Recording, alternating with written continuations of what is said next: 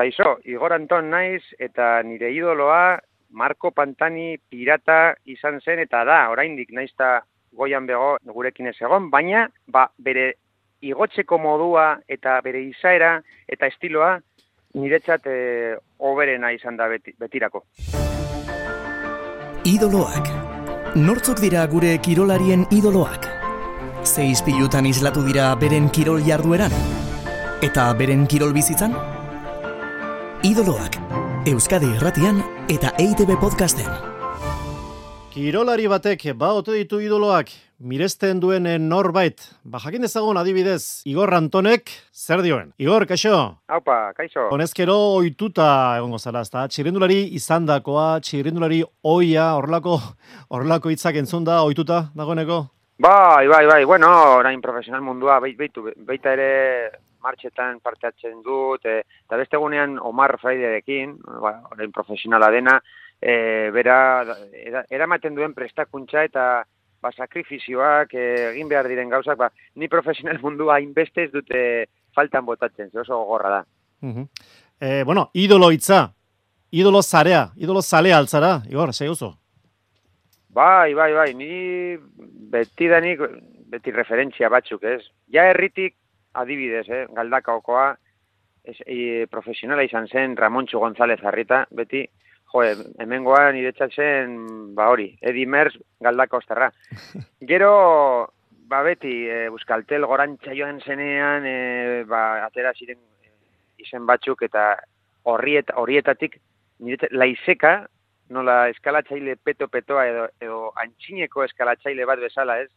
Jo, berarekin... E, zelako momentuak, ez? Eta zer, zer pentsatu, ezin nuen pentsatu, hortik lau edo, bueno, e, ikusi nuen irabazten e, luzari denen, eta gero hortik lau edo bost urtera, berarekin taldean egon, ez? Amets eh, bat egia bihurtuta. Zuk Frantzeko turrean beraz, luz ardi denen, Roberto Laisekak irabazi zuen etapa gogoan garri ura, ikusi zenuen zuzenean, ikusle bezala, beraz.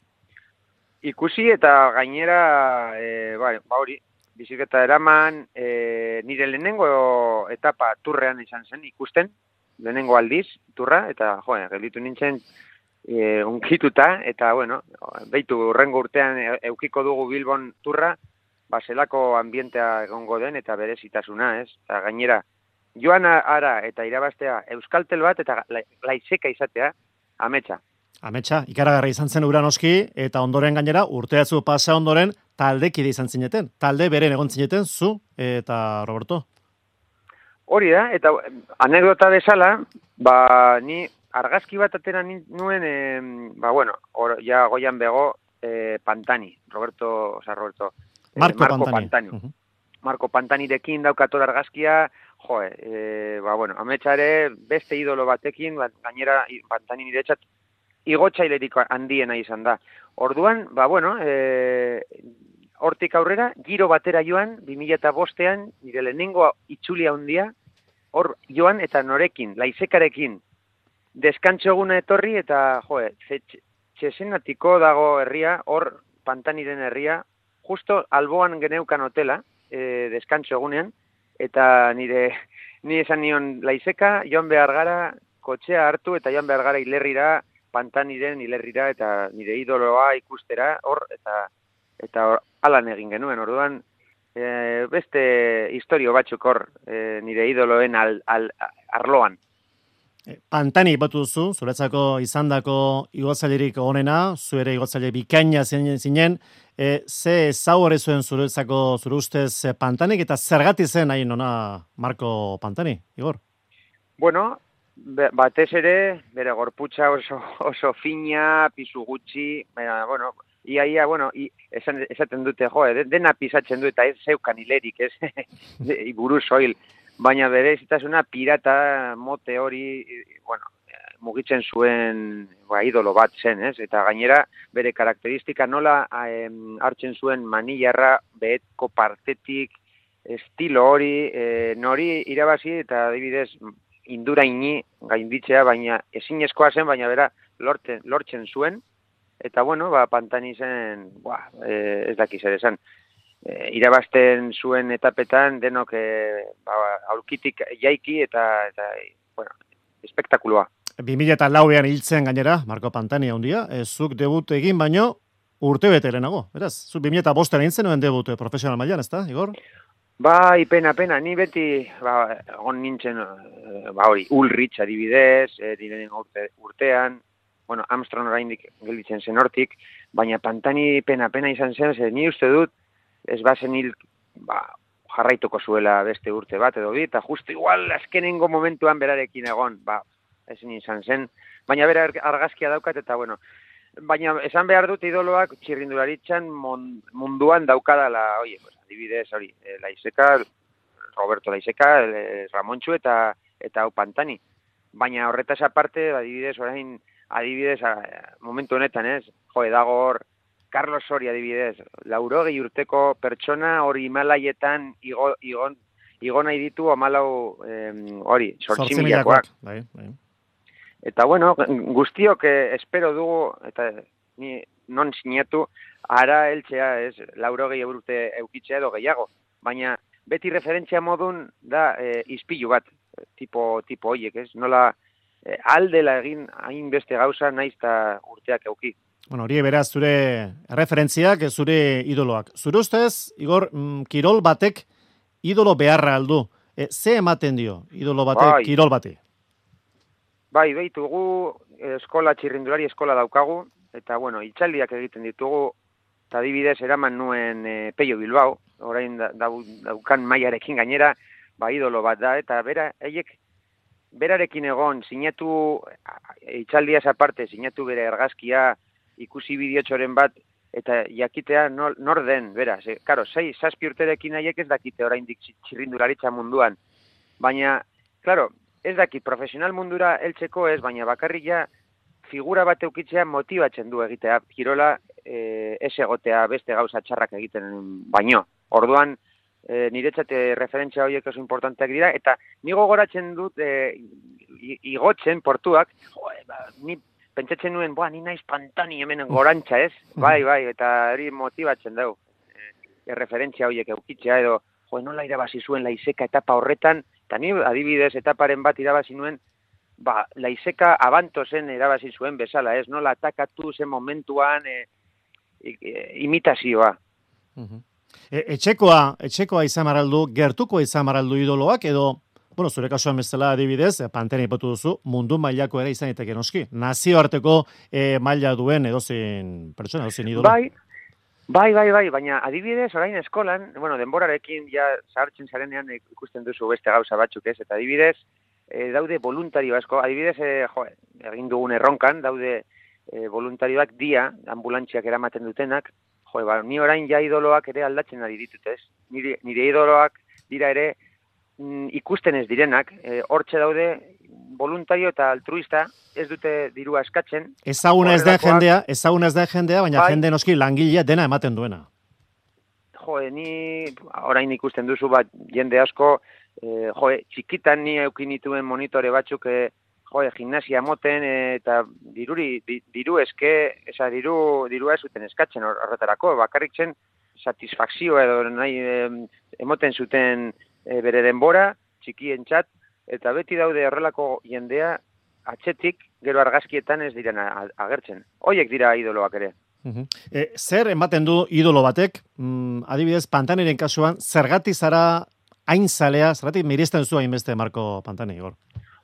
Bai, ba, bueno, azkenean, esan behar da, ba, bera e, eta idolo horiek egiten dutena ere ez, ez dute inor, ez duzu hain erraz e, ikusten. Bere izaera, e, berezitasuna dauka ere, ze, izaera berezia daukatelako. E, ni, ba, ez bakarrik igotxearekin batera, estiloarekin batera. Da, e, nola bere, bere figura, bere aurpegia, bai, baita nola bere e, bueno, buruzoila, e, pañuelo, bueno, nola da, asapiarekin hori, igotzen lehen kaskoa gorantza zen nire ematen, eta beraz, sapiarekin pirata e, dauka, ba hori, e, gauza ingrediente asko, eta ez da korredore arrun bat, da nabaritzen da, lehen adibidez baita da zegoen txipolini, nola mugitzen zuen komertzialki markak gustora ez, ze mugitzen ditu jende asko.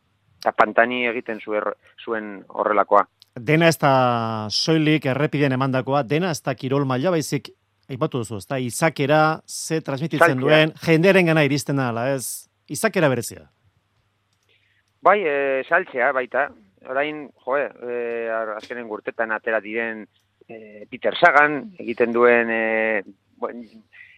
jendea imitatu nahi du, zelan jaizten duen jaitxiretan, edo gero kaballitoa egiten, bueno, pizkat, e, batxutan da, espektakuloa, e, gero garaipenak baino, baina, bueno, horrela da, e, ba, bueno, idoloak, orain youtuberrak dira, e, igual ez daukate horrelako kapasitatea zeo zer egiteko, baina egiten dutena ba, entretenimendua edo jendea jarraitzen ditu ze gustatzen zaio zer egiten duten eta horiek influentzia handia daukate pertsonetan. Idoloa zari garen ez, eguzu igor, e, sekula kale egin dizu, sekula utxe egin dizu e, idolo batek, kaso honetan pantanik? Ba, idolo ez, baina, bueno, txirrindulari batean, txirrindulari munduan, niko garatzen dut arraten, e, igotzen, bai. e, bueno, igotzen ni ez, ni ikusten et, etapa, Euskal Herriko itxuli, eta justa azkenengo momentuan eskatu nuen, ni txikia, oso txikia nintzen. Indurain irabazi zuen arrateko igoera horre, horrek.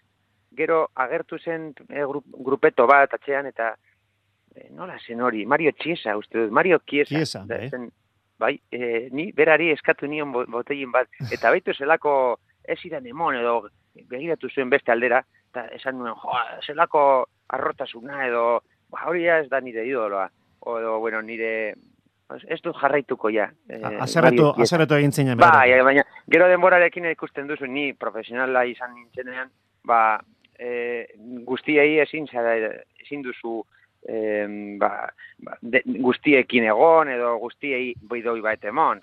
Ez daude bidoiak zure biziketan bida euskazu eta batxutan behar dituzuz. Baina, bueno, horrelakoak, bai. Eta gogoratzen dut anekdota hori, oso txikia nintzen, eta ba, ez dit emon bidoia. Jo, eh. Ja, bukatzen zen etapa, baina, bueno, Azken, e... azken batean igor, e, idolo izateak kompromiso bat ere dak, badakar, ez da? Alegia, bueno, kaso honetan eskuzabal jokatu behar da, jenderen iritsi behar da. Bai, bai, bai, bai, ni adibidez, harrituta gerritzen naiz, e, zelako izaira eta nola tratatzen duen indurain e, adibidez, ez? Ipini behar da bere asalean, ez? Batxutan, edo orain dela gutxi egon naiz ere e, iribar, iribarrekin, e, hau da, idolo, idolo, idoloa. Idoloa, zalantzare gabe. E, bueno, eta bera, ni berarekin hitz egiten, eh, orain dela pare bat aste, e, nola eramaten duzu, zein beste jende, baina bera zaten du esken ni, niri, jo, hau da, ohorea, ze azkenen egin beste jendea zuri etortzea, ba, bueno, ez da hain, hain e, zaia, baina bai, egoten dira momentuak, non, jo, zuk azkenean nekatzen zara, edo profesional bat bazara, behar dituzu zure denbora. Baina e, ere importantea da, ba, afizioarekin, saletuekin egotea, argazki bat atera, gelditzea, oso, oso importantea da. E, zure kasuan, zure izan zinen, seguru gainera, ziklismo zale askorentzako idoloa, e, giroan etapa irabazieta, bueltan irabazieta, igotzaile bikaina, e, zuk ere antzemango zenuen oski, jende askoren idoloa zinela, bai, Igor? Bai, bai, eta daskat, e, polita da, eh? gero denborarekin gehiago e, baloratzen duzu hori, baina Bilboko etapan, e, Bilbon irabazi nuen e, Espainiako etapan, bai. pasatu nuen elmuga eta hori, denok etorri ziren kamerariak, kamelariak eta, bueno, e, elkarrezketa egin nahi zuten, baina ni esan nion, momentu bat, zegoen umetxo bat hortik e, eskatzen nire eskularruak, eta kendu, tori, eskua e, guanteak zuretzat. Eta hortik e, bi edo urte batera, ume hori etorri zen ez daki nora, haber sinatu al nituen guante horiek. Eta jo, eso, polita, polita. oso polita.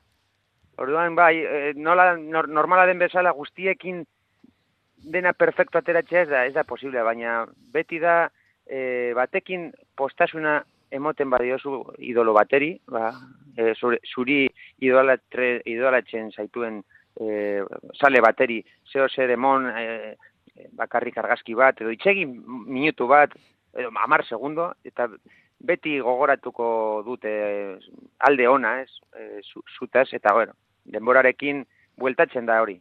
e, bere alde hona du noski, ospetsua izateak, e, bueno, bazken batean horrek esan nahi du, lorpenak izan dituzula, garaipen asko lortu dituzula, zure kasu amezela, baina bere alde txarra ere badu, aipotu duzu, agian, jendea beti zuri behira dago, zer egingo duzun, zer esango duzun, horrek bere alde bai. txarra badu, Igor.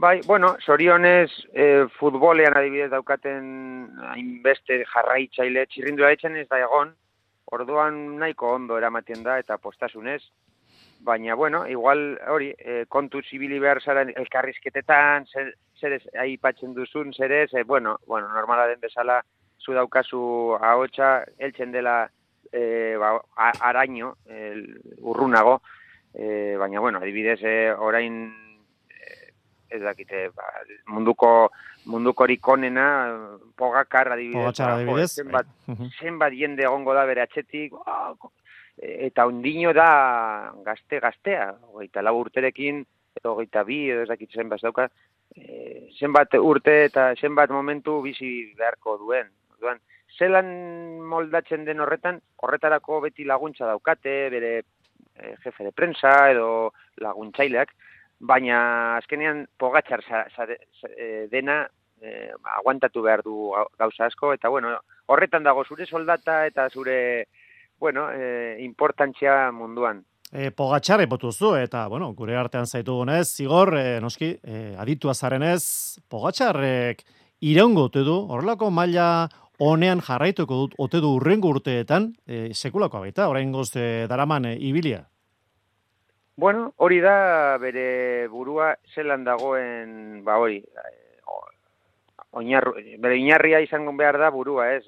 E, hots mantentzea, e, gero bere alboan dagoen jendea ba ondo eramatea, ez da dirua aparte, ba da hori, zenbat konpromesu, zenbat gauza eta bueno, presio hori gero eta handiet haundira joango da, haunditzen haunditzen azkenean e, kontu zibili behar du, ez esplotatzeko edo e, behitu tondi maulan azkenean urte batzuk egin ditu eta jo, azkenean bere burua esan du behar dut tranquiltasuna nire familiarekin egon, ez? ez da erraza, ez da erraza. Izan ere presioa handia somatzen da, berezeki goi goi mailako txirrindularitzan eta punta puntako kirol esparroetan presio ikaragarria da igor. Hori da, eta azkenean gero eta gehiago bizitzan, ez? E, bueno, gizarte guztian dago beti presioa guzti, arlo guztietan, eta bueno, ja, lehenengo urtetik, ja, ipintzen duzun maila edo, edo non ipintzen duzun zure limitea, e, gero jendea eskatzen du hori, baino pizkat gehiago, orduan ez da erraza, eta, eta bueno, e, nola eraman zuen kontadorrek e, inbeste gauzak gertatu zitzaion, e, eta aurrera bota, eta ikaragarria da, edo balberde egiten ari duena, ez, azkenean, ez dakit adibidez orain dela, ba, bi egun, Rafa Nadal irabazi duen, malaugarren, Roland Garros nola bizi izango duen guztia, baina baina ikaragarria da. E, ez da erraza, eta ikusten duzunean telebistan, bueno, gero itxali, itxaltzen duzu telebista, baina haie jarraitzen dute, ez? Eta bere telefonoa egongo da beti topera, eta sare sozialetan agertu zure pri, bizitza pribatu ere, bai? Baina, bueno, nire kasuan eh, ondo bizi izan naiz, eh? ez naiz horrelako top, top model. Ez tezu horrelako erasorik, eh, jasan horrelako presiorik eh, antzeman, beraz? Ez, ez, bueno, batxutan momentu batean, adibidez, bat, Espainia irabazi nuenea, bueno, irabazi, irabazterko. 2000 eta amarreko urte hartan, buelta irabazteko zorian izan zinen hartan, erori ura bai izan zen, ez da, bueno, ba, komunikabideen. raro, sentitu, bai. sentitu nintzen, zen momentu batean, eh, fama pizkat hartzen duzu alde txarrean, erori nahi zelako, baina alde honean, ba, bueno, oso ondo ibiltzen dengoen hor momentu horretan, eta, ba, jende asko nirekin itxegin edo gon eta edo kanpotik eh, ezagutzen zidaten. Gero, ba, hori pasatu, pasatu zen nahiko harin, eh? Baina bai, bai, momentu bat egon zen hor, bai. Nola esaten nuen, jo, eh, herrian pizkata raro, batxutan eh, sentitzen nintzen. Baina, bueno, azkenean guztiok eh, gara... Pertsonak. Pertsonak, Gizakiak. Ederki, ba, estimatuta, Igor Anton, gurekin egon izana, eta zure idoloen berri izan dugu, guretzako zu izango zara beti idolo bat. Mila esker, ondo, ondo segi, Igor. Venga ba, ongo gara. Idoloak, Euskadi Erratian eta EITB Podcasten.